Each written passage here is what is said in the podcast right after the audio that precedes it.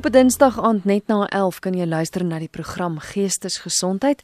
Dis 'n program spesiaal vir jou. Die doel is dat jy as luisteraar kan saamgesels. Miskien het jy 'n spesifieke vraag. Elke aand kies ons 'n tema waaroor ons gesels en dan ook 'n gas wat al die nodige inligting vir jou as luisteraar kan gee. Vanaand is my gas Dr. Michiel van der Merwe en hy is daar van Stabilis. Hy is besturende uitvoerende hoof van Stabilis. Goeienaand Michiel. Goeienaand, baie dankie so vir die geleentheid vanaand en dankie vir elkeen wat inskakel. Dit is vanaand 'n groot voorreg om so 'n bietjie te kan saamgesels en dink. Jy is van Stabilis in Pretoria. Wat doen julle? Ehm um, Stabilis is 'n rehabilitasiesentrum al vir meer as 50 jaar wat ons bestaan, so ek glo ons het al onsself bewys. Ons het so sukses van so om by 85% met ons mense en ons groot saak is om 'n holistiese of dan 'n multiprofessionele benadering te hê met mense wat dan um, probleem het onder andere met dwelms of dan alkohol of dan medikasie, ja substansafhanklikheid waarvan mens praat. Ons het hoofsaaklik binne pasiënte, ons neem hulle op, maar ons het ook nasorg en familie en ons werk ook met kinders en natuurlik nou voorkomende werk in opleiding doen ons ook buite in die gemeenskapskole en besighede. So nie net kyk julle holisties na die persoon self nie, maar ook na die breër gemeenskap want want ons praat vroeër, praat ek met 'n kollega van my dat so iets het 'n invloed op die hele gesin. Dit is egal altyd die een ma aan wat by ons was, wie se kind is behandel het en sy het die dag vir ons kom dankie sê vir haar kind wat nou weer gesond is en dit sê vir my die ware woorde gesê Sy sê vir my, weet jy, jy het nie my kind gesond gemaak nie, jy het ons familie gesond gemaak. En dis ons hele doel. Ons hele saak is dit raak nie net die persoon nie maar ook sy hele omgewing. Nou my een sê ek sê vir gesin maar natuurlik ook vriende en werkskring. So baie beslis ja. Hmm. ons gesels vanaand oor dubbeldiagnose. Wat is dit Dubbeldiagnose is een van die terreine waarop 'n stabilis dan nou ook fokus dis 'n diagnose of dan 'n situasie wat na my mening dan ook in terme van ons statistiek ook al hoe meer toeneem. Sê maar 'n persoon makkeer iets of gebruik iets in plaas van onmiddellik hulp te soek, probeer hy eerder met 'n volgende of 'n derde iets en wanneer ons 'n persoon kry, is daar eintlik meer as een noem dit maar siekte of dan ehm um, probleem. Amptelik praat mense van wat dat twee of meer ons praat van psigiatriese versteurings en 'n substansprobleem is. Met ander woorde, 'n persoon het 'n um, probleem met sinemas gebruik alkohol of dwelms te veel aan die een kant, maar aan die ander kant is daar ook 'n geestesgesondheidsprobleem, byvoorbeeld depressie of angstigheid of wat dit dan ook al is. So, so dis 'n dis 'n kombinasie. Dis nie net net die een of net die ander nie. Ehm um, as ek gou net vir so vinnige beeld kan probeer skep wat dit baie vir mense gee. Jy kry mense wat al, al dat se spreekwoord wat sê ons kyk na selfde voorwerp maar ons sien iets verskillend en ek sê dieselfde is op 'n mens van toepassing. Byvoorbeeld in baie kort, dan kan 'n persoon en en dit verduidelik die dubbeldiagnose konsep na my mening. Jy kan 'n persoon wees hy gebruik sinema te veel alkohol, maar sy agtergrond is hy het moeilike kinderjare gehad, op skool moes hy berading kry. Hy het later begin siek raak op skool rondom bloeddruk of dan verskillende probleme waarvoor hy allerlei medikasie moes kry en hy later in sy skoolloopbaan het 'n gesinne gewapende roof beleef en hy begin met verkeerde vriende maatsmaak om net maar oor al hierdie goed te kom. Nou, as jy mens hier nou kyk, dan is jy tipies hè die sien maar een persoon gaan net kyk na die gebrokenheid van die huis waar hy groot geword het. Die ander gaan net kyk na hoe hy op skool gepresteer het. Die ander gaan op die mediese faktore um, fokus die ander dalk op die trauma van die gewapende roof, die ander en so kyk elkeen en dit is jou hele dilemma of dan die uitdaging van dubbele diagnose dat jy nie net op een van hierdie goed fokus nie, maar dat jy na die hele prentjie vir die volle pakkie van die persoon gaan kyk. Ja. Jy sê nou dit neem toe. Is dit iets wat al hoe meer algemeen by mense voorkom?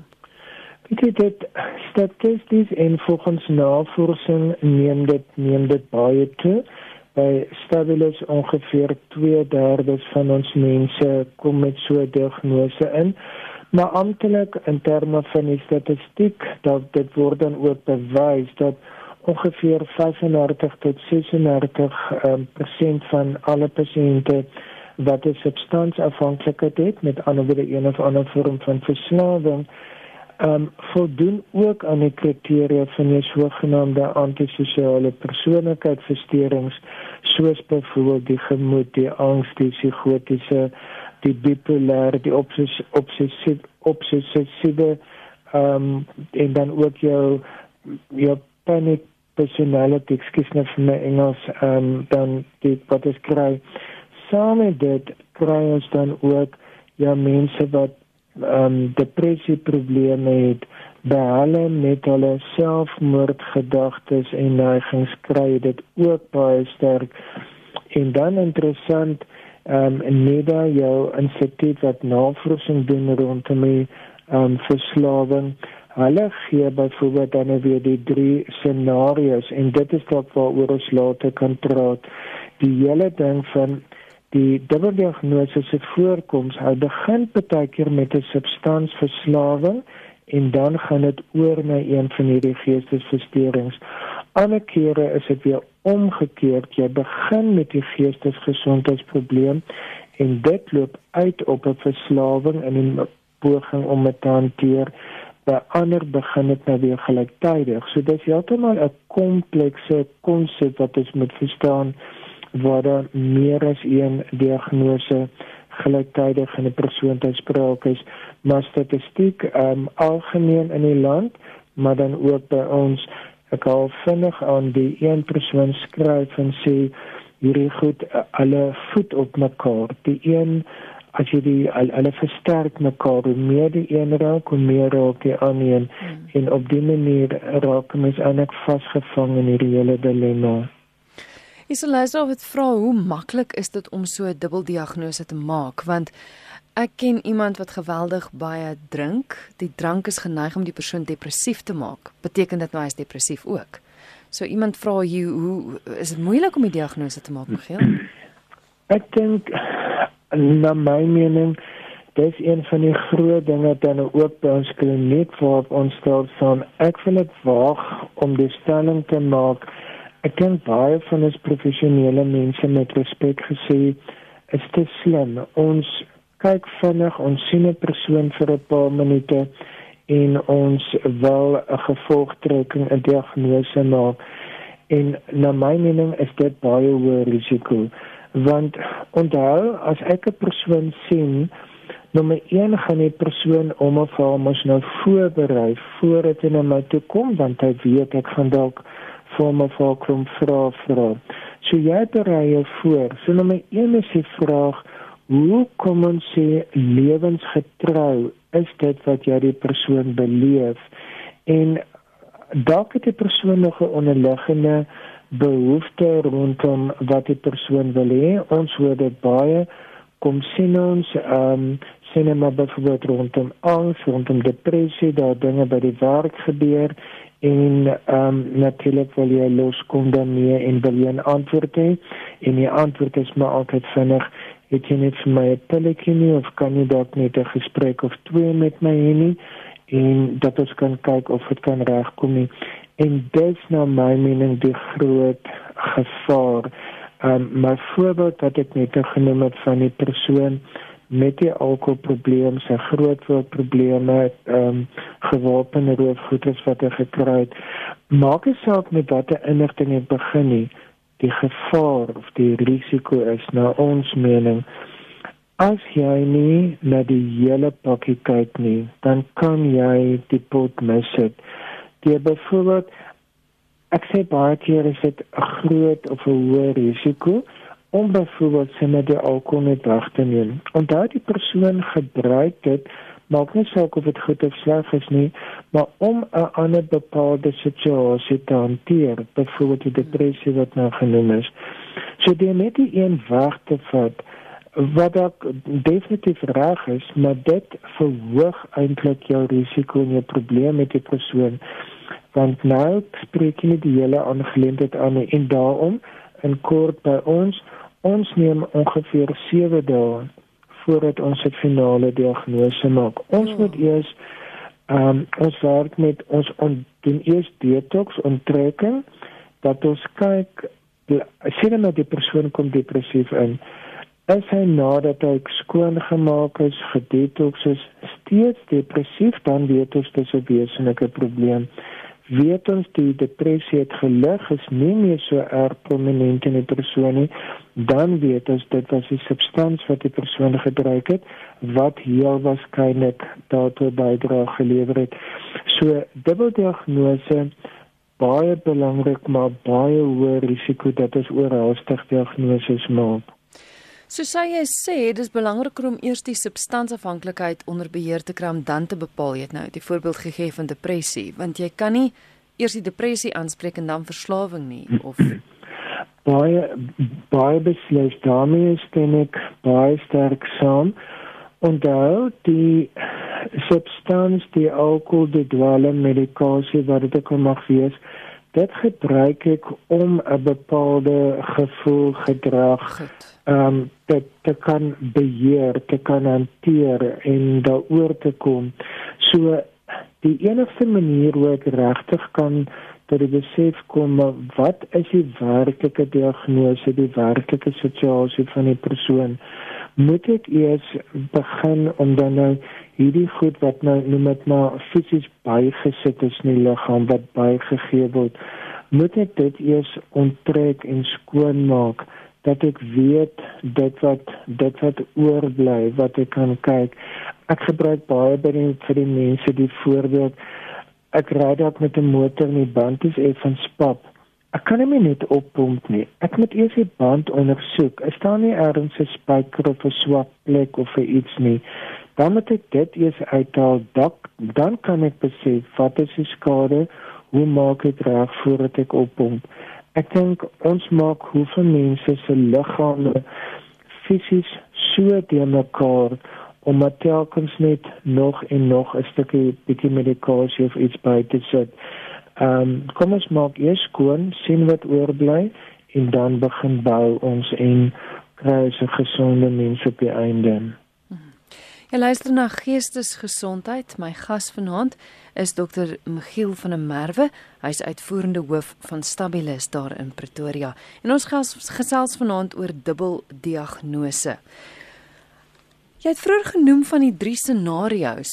Kan jy gou dit vir my verduidelik? Ja, die drie scenario's wat ek genoem het is is dat ek sê dit is wat dubbeldiagnose so kompleks maak, so moeilik maak om te diagnoseer omdat party van dit begin met die punt by substansgebruik. Met ander woorde, sinema ek gebruik alkohol en dit kan my dalk depressief maak. Nou as ek depressief, nou gaan soek ek iemand en nou begin kry ek medikasie vir die depressie ook. Dit kan ook omgekeerd wees. Ek voel depressief en nou begin ek drink ek sinema alkohol om my te laat beter voel. So ehm um, dit dit maak nie saak van watter kant jy begin nie. Jy, jy kan van enige kant begin. Ehm um, die twee kan ook gelyktydig begin. Sien nou maar een van jou baie bekende faktore wat goed gebeur is maar rondom trauma geleenthede wat ons natuurlik baie in ons land beleef en wat hierdie goed gelyktydig begin. En dit is wat dit wat dit so moeilik maak want die gedrag kan dieselfde wees van die persoon wat jy sien maar by die een het dit primêr begin as gevolg van die substansgebruik. By die ander een het die situasie primêr begin rondom dit kan genetiese faktore daar kan 'n baie verskillende ander faktore wees wat dan 'n impak op die persoon het en wat dan daartoe gelei het dat die persoon substans begin gebruik. So weer eens om dit dan al is die gedrag die uiteinde dieselfde ons moet kan bepaal waar dit begin en wat is werklik wesenlik deel van die persoon en daarom dan ook ons voorstel eers detox maak eers skoon kyk wat bly oor en van daar af weet jy om 'n persoon verder te behandel En die proses van herstel bly dieselfde maak nie saak of die depressie eers daar was of die afhanklikheid eers nie. Ehm um, ja, dit kom ons sê dit dat ek dit sê stel dit hang af om die woorde te gebruik wat oorbly. Goed. Ehm um, dat dat 'n mens moet daarna gaan kyk.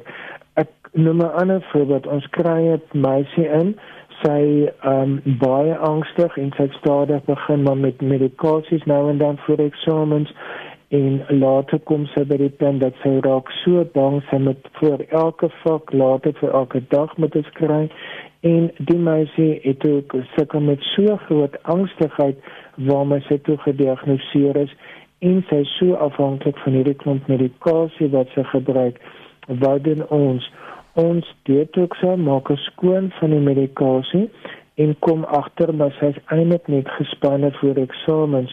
Ons leer al um, 'n klomp ontspanningstegnieke sy stap uit sonder medikasie en dit gaan baie goed met haar. So in 'n ander geval kan dit weer omgekeerd wees dat die persoon juis medikasie nodig het, maar dan kyk ons natuurlik na veilige medikasie wat nie gewoontevormend of dan verslawend is nie. So dit kan aan enige kant toe gaan. Ehm um, dit is waaroor dubbeldiagnose gaan. Goed. Dankie vir die SMS'e wat so ver deurkom 45770 dis die SMS nommer waarheen jy jou boodskap kan stuur 45770 elke SMS kos jou R1.50. Julle paar vrae wat ons al gekry het. Norman vra: Help julle mense ook wat dubbel verslawing het? 'n Verslawingsprobleem. Met ander woorde, as hulle meer as een ding verslaaf is en hoe gaan julle te werk? Hmm. Val dit onder dieselfde ding as mens nie noodwendig 'n geestestoestand het nie, maar jy is aan twee of drie goed verslaaf? Ja, amptelike definisie verwys nou nogal daarna maar ons moet on, of ons moet onmiddellik hierin verstaan die feit dat jy dat die persoon verslaaf is aan een of ander um, een of meer substans gaan heel waarskynlik in elk geval afhangende van die hoeveelheid wat die persoon gebruik hoe lank die persoon dit al gebruik, gaan in elk geval tekens van een of ander geestesgesondheid toon. Dit dit is wat ek net al gesê, dit is een van die scenario's en ja, dis wat behandeling deesdae so moeilik maak. Ehm um, mens praat van jou verskillende kategorieë van jou substansie Party as die maak jou meer opgewonde, energie, jy wakker, wat ook al, ander maak jy weer rustig, pynstillers laat jou ontspan. En nou is dit tipies 'n persoon van met die een met die een begin dat jy sien hom meer energie gee, dat jy kan meer in sport beter doen, langer ure werk, studeer, wat ook al. Later raak dit so erg jy kan nie tot rus kom nie. Nou begin gebruik jy weer 'n teenoorgestelde een om jou te kalmeer. En op dié manier maak jy jou liggaam soos ek sê so de mekaar om hierdie goed teen mekaar te gebruik want dit raak 'n alle moeiliker saak vir 'n persoon om noem dit maar 'n gematigde lewe te hê. Want jy's of soos wat ons nou praat ver bo die lyn of ver onder die lyn. En dis tipies dan wat ons mense kry met die sogenaamde bipolêre diagnose. En trek ons hulle dan met 'n diagnose verander want dan was dit as gevolg van hierdie deurmekaar hierdie verskillende teenoorgestelde substansies wat hulle gebruik het wat maak dat hulle so voel. Hmm. Is 'n luisteraar wat sê ek het 'n vriend wat aan dwelms verslaaf was.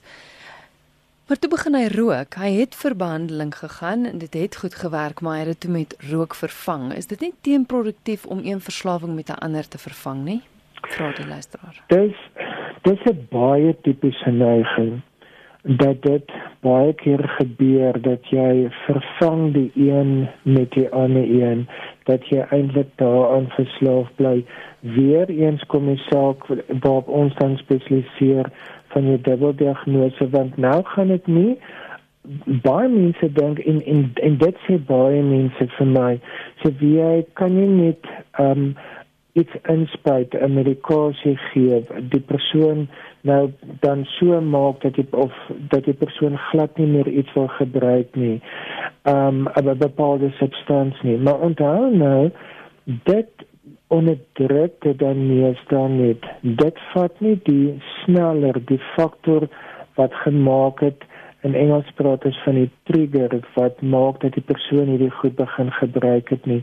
En hierdie is tipe so tipe so as ek nie hierdie dubbeldiagnose, die storie agter die storie kan ontleed en dit hanteer nie, dan raak dit soveel erger dat 'n mens eintlik maar jy een vorm van verslawing met 'n volgende vorm van verslawing vervang, want dit dit raak jou lewenstyl en um 'n mens moet kan bepaal maar wat is die storie agter dit hanteer dit en jy gaan dit ja waarskynlik opgelos kry.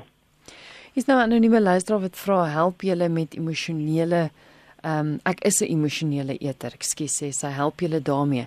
Dis nog as 'n verslawing waarop daar nie heel dikwels gefokus word nie. Ja, ont ja, onthou dis dit dis dit tipiese ding wat jy baie keer kry Ehm um, dis ek weet nie of ek dit met sê spesiaal vir die dames of wie vanaand nie. Baie keer met ons mense vanaand of of dan wat dis behandel word, hulle tel gewig op in die tyd wat hulle by ons kom. Hoekom? Want jou eetpatroon raak totaal versteurd as gevolg van hierdie goed wat jy gebruik. Dis 'n bekende ding by skoolkinders en dis die hartseer. Hulle kan met 'n bietjie self geld baie goedkoper in 'n Jope of 'n dag gekoop wat hulle heeldag noem dit nou gaan op 'n hoog hou dat hulle goed voel en hulle gaan bietjie geld oor hê as wat hulle sinema um 'n wagneem ete moet koop wat vir hulle baie duurder is.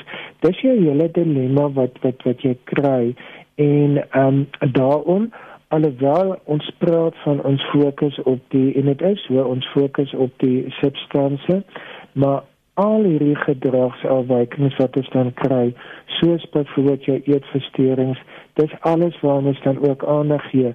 Dis waarom dit vir ons belangrik is om 'n volle multiprofessionele span op ons by ons te hê wat al die verskillende professionele mense insluit. Iemand sê nou hier as iemand in ontkenning leef en nie glo dat hulle 'n probleem het nie, met so 'n dubbel diagnose dan sit seker nou dubbel ontkenning. Hoe help mens so iemand wat nie glo daar's fout nie? Dit is my groot uitdaging om deur te breek by die mense. Om een of ander rede as ek moet baie veralgemeen, ehm um, baie mense sal baie maklik eerder sê weet jy ek ly aan depressie of angstigheid rondom noem dit maar bepaalde goed wat by my werk of my lewe gebeur het. Maar om te sê dat ek het 'n probleem ek kan nie my alkohol of my dwelm uitlos nie. Dis baie keer in die publiek hulle baie moeiliker om so iets te erken. Ehm um, wat en en dis ook die navorsing bewys dat jou groepsterapie is van jou belangrikste faktore of dan wat help dat 'n persoon tot insig kom.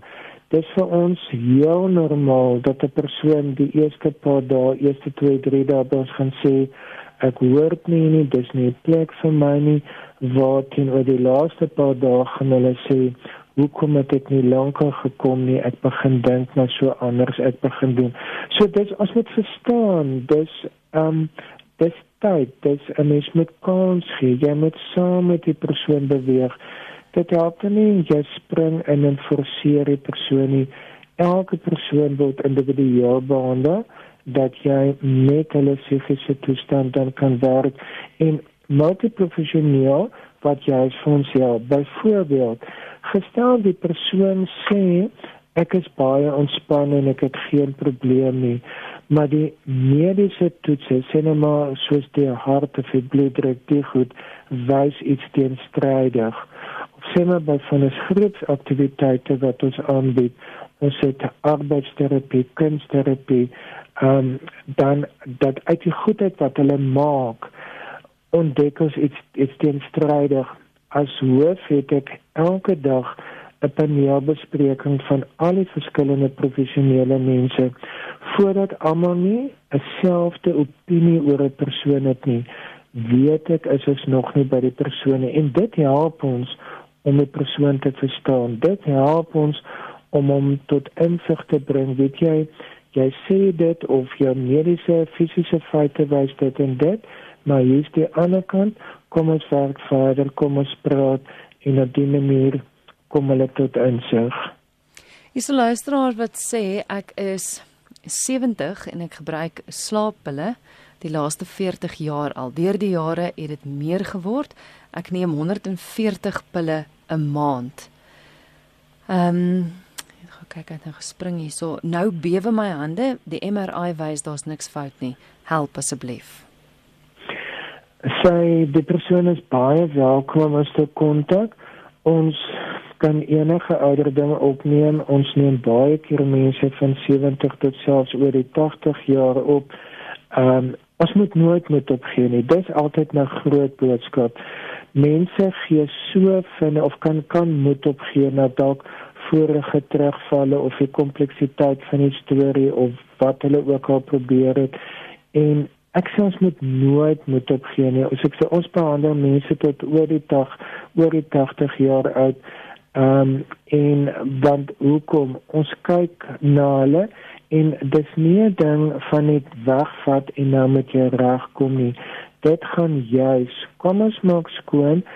Miskien is daar 'n ander medikasie, 'n veiliger medikasie. Miskien is daar tegniek, ehm um, sekernig wat die mens met die mense kan deurwerk met ons familiesessies. Miskien is daar iets omdat ons hulle ook inbring dat hulle ook kan leer. Baie keer is dit maar familie wat dinge kan vererger. So sodra ons dit dan het en dis ook hoekom ons lewenslank gratis nasorg aanbied dat ons letterlik 'n lewenslange pad met hierdie mense kan loop om hulle dan weer op hulle um, op op 'n gesonde pad te kan kry.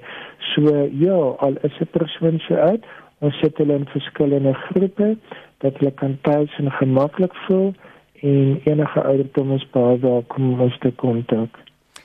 Het iemand wat vra of jy asseblief aan die einde julle kontaknommer sal gee? Dis 'n ma wat sê ek soek dringend hulp vir my seun wat verslaaf is aan drank.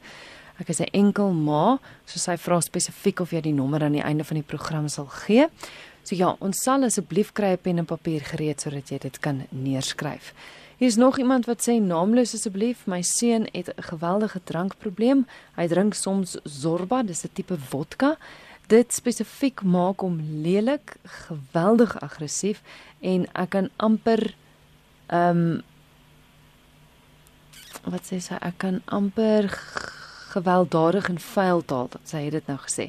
Ek het hom al by 'n rehabilitasiesentrum gehad maar hy loop weg. Is daar hulp vir so iemand? Wat ek net gesê het, ek glo dat hulp vir almal ehm um, met ons Christelike waardes is ons het 'n predikant ook op ons span. Ehm um, dis ook een van ons um, kernwaardes. Ek glo uit 'n gelowige hoek uit is daar altyd hoop en en en is daar hoop.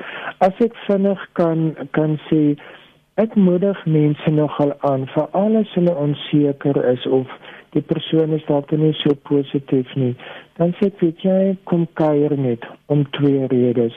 Punt 1 dat ek 'n persoon kan leer of daar kan wys ons fokus juis nie net op die substansie nie. Dis die diagnose hmm. ons kyk na hulle totale prentjie fisies psigies psigiatries geestelik die familie opset wat dit ook al is maar die hele prentjie dat hulle kan agterkom hier's 'n groter ding aan die gang en dit help mekaar.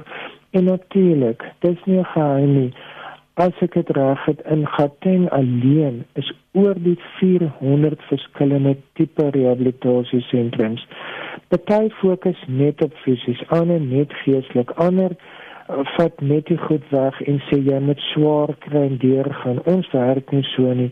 En ehm um, is dit vir my belangrik dat 'n persoon kan kom dat hulle die gevoel kan kry um, ek neem hulle deur die plek, hulle moet sien, hulle moet voel, maar gaan ek hier tuis voel? En ek sê vra, vra. En met dit kry ek nogal baie kere rustigheid en ook as hulle kan agterkom die werklike omvattende diens wat ons lewer wat ons geen addisionele kostes by vra nie. So ehm um, in in in dit maak dat mense dan baie keer instem dat hulle sê weet jy dalk is dit tog anders kom ons gee dit 'n kans en ek glo dit sou kom ons sukses syfer so hoog is. Is iemand wat vra wie is deel van die span? Uh, die persoon vra arbeidsterapeut, um, ja, wie is almal? Kom ek kom ek hier gaan. Ehm um, formeel amptelik ons het 'n psigiater op ons span, 'n sielkundige, maatskaplike werker, ons het verpleegkundiges, alles verpleegkundiges is ook psigiatries gekwalifiseer 24 ure per span. Ons het 'n predikant vir die geestelike bediening en dan het ons 'n arbeidsterapeut en ons het 'n kunstterapeut en um, ons kry selfs dan ook op so deeltydse basis kry ons mense Vrydag in wat bietjie ehm um, skoonheidsterapie kon doen net dat die mense bietjie kan beter en ook kan goed voel. Onthou die persone dalk nie so goed of mooi nou maar vir self kykie. Dit help jy praat net jy wil kan lekker voel ook mm. en dat is dan dit doen. En dan natuurlik kom daar enige in terme van die diagnose sê nou 'n hart 'n long daar kan um, die eetkundiges ons het buite mense wat vir ons help met ons die eetplan want um, ook na elke persoon met opname word daar ook 'n spesifieke dieet vir die persoon besluit wat is die regte en die aanvaarbare dieet vir die persoon. So ons gaan kyk werklik na die volle pakket wat die persoon ook al nodig het. Um, sê ons met ons aanspreek anders gaan jy ergens ietsie mis Michiel is nou 'n boodskap wat deurkom van iemand wat sê as jy 87 is en jy sukkel om te lewe en jy voel als raak te veel, is dit sonde om jou eie lewe te neem. Ek weet nie het dit dikwels te doen met met met selfdoodneigings? Dit is 'n baie groot probleem of dan um, is dit as baie kry baie mense wat is ingeneem ehm um, het waarskynlik dan ek so geskiedenis of dan die gedagtes net of selfs pogings. Ons het ook ehm um, dan ook spesiale kamers by ons susters dat ons hulle baie goed kan monitor um, om dan natuurlik nou ook hulle veiligheid dan te kan kry. En hierso weer eens nou gaan dit oor wat sit agter hierdie gedagtes of pogings. Is dit net 'n gedagte onthou baie keer van jou tipe dwelms wat 'n persoon gebruik, kan dan jy sulke gedagtes en dinge ook tot gevolg hê. Ons moet dit ek het nou die dag so 'n persoon gekry. Hy het letterlik vir 'n sogenaamde doodskreet aangetrek sê sy familie vir my en hy sê dit die einde aan sy lewe maak voordat hy by ons gekom het. So nou wat gebeur?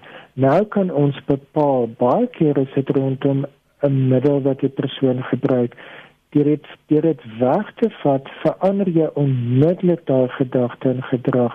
Ander kere is natuurlik nou nie so maklik nie, dan is dit meer um, rondom gebeure en dinge wat in die verlede gebeur het, dit moet dan deurgewerk word, maar weer eens dat ons dan kan kyk hoe kan ons vir die persoon veilig maak en dan die persoon ook help tot um, om die sin van die lewe te kan verstaan.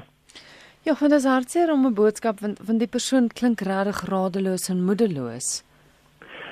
Kom ek sê ons is 24 uur beskikbaar. Die mense kan as dit net nou jy bly se persoon hier gee, hulle kan letterlik 24 uur vir ons kontak. Ons kan 24 uur per dag kan ons opneem. Dag of nag of dit nou Kersdag of Nuwejaarsdag of wat se dag is, ons nog nooit toe nie want baie van hierdie goed kom ons agter gebeur maar juis in die aand op 'n naweek op 'n sleg tyd en ons sê jy moet onmiddellik beskikbaar wees en dis ons hele bedoeling. Ja, dis wonderlik. Hier's nog 'n luisteraar wat sê, "Ag, ek is 60 jaar en ek is 38 jaar getroud. As tuis by ma en ouma. Ek het ook lank gerook, maar ek het 2 jaar terug saans 'n glasie wyn begin drink as gevolg van emosionele mishandeling help. Kan is my vol emosionele mishandeling en dan nou die drank saam val dit ook onder dubbeldiagnose? Baie. Um, ons kry dit baie, daar's 'n baie hoë tendens tussen die sogenaamde ehm um, nou weet ek die Afrikaans nie skiet domestic violence ja. die die huis huis molestie ek nou sê en dan die substansgebruik daar's 'n daar's 'n baie hoë verband um, tussen dit en dit is dan tipiese goed wat ons moet aanspreek wat ons moet gaan kyk. Dit is wat ek in die begin gesê die hele hele benadering vir ons is ek kan nie nou net die goed wegvat nie. Ek moet maar hierdie um geweld wat daar in die familie en die gesin is of dan um ek moet dit gaan ek wil saam met dit gaan die sogenaamde ko-afhanklikheid wat is nou nie hmm. vanaand aanspreek nie waar die familie dan ook eintlik hierdie hele gedrag versterk want daar jou substan of of dan jou dubbel diagnose is gesê primêr praat ons van hierdie twee hierdie um, psigiatriese verstoring plus afhanklikheid maar dit sê dit ook baie duidelik die algemene ehm um, die definisie daarvan dit kan juis ook enige vorm van siekte by insluit wat of aanleiding het te gee of die gevolg raak van uit hierdie dubbele goed. So dis 'n hele komplekse kompakte storie wat ons moet verstaan en jy moet na die hele pakket kyk. Ek kan dit nie sterk genoeg beklemtoon nie. Ja. Baie dankie. Dis wonderlik om te weet daar is plekke soos julle. Kan ons asseblief die kontakbesonderhede vir die luisteraars gee? Ja, die mense ehm um, telefoon ons landlyn nommer is 012 33 double 7 02 en dan ons webbladsy is www.stabilis s t a b e kolike e l kolike e stabilis.org.za en so bo aan die webbladsy gaan daar altyd ook 'n selfoonnommer wees. Ehm um, die mense kan dit enige tyd kontak as hulle nie onmiddellik antwoord kry of deurkom op die landlyn nie. Ehm um, ons sorg dat een van ons mense altyd beskikbaar is, dan kan ons die mense help. Wat verstaan Stabilis?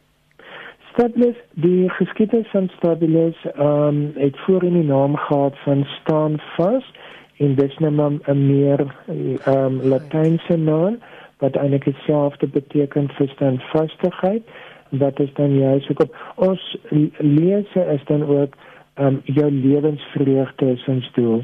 Die hele gedagte ons wil vir die mense 'n nuwe motivering, 'n nuwe geluk, 'n nuwe vreugde gee waarmee hulle kan positief leef. Hulle moet hoor daar's hoop, daar is antwoorde. Ons is daar, ons wil graag help. Ja, baie baie dankie. Dankie vir die gesels. Dis definitief nie die eerste en laaste keer nie. En dan dankie vir die goeie werk wat julle doen. Baie dankie en sterkte ook spesiaal net vir elkeen wat geluister en gebel het met hulle vrae. Hulle is enige tyd um vanaand is my selfoonnommer daar as noodnommer op dit. Hulle kan ons enige tyd bel en ons luister graag en help graag vir ons kan. Dankie baie. Baie dankie. Dit is dokter Michiel van der Merwe met wie ek gesels het. Hy is uitvoerende hoof van Stabilis in Pretoria. Gou weer die webwerf, dis www.stabilis, dis S T A B I L I S www.org.za en soos hy gesê het, daar's ten alle tye 'n selfoonnommer op die webwerf bo-aan wat jy kan bel as jy hulp nodig het. Andersins die landlynnommer 012 333 7702. Dis 012 Pretoria kode 333 7702.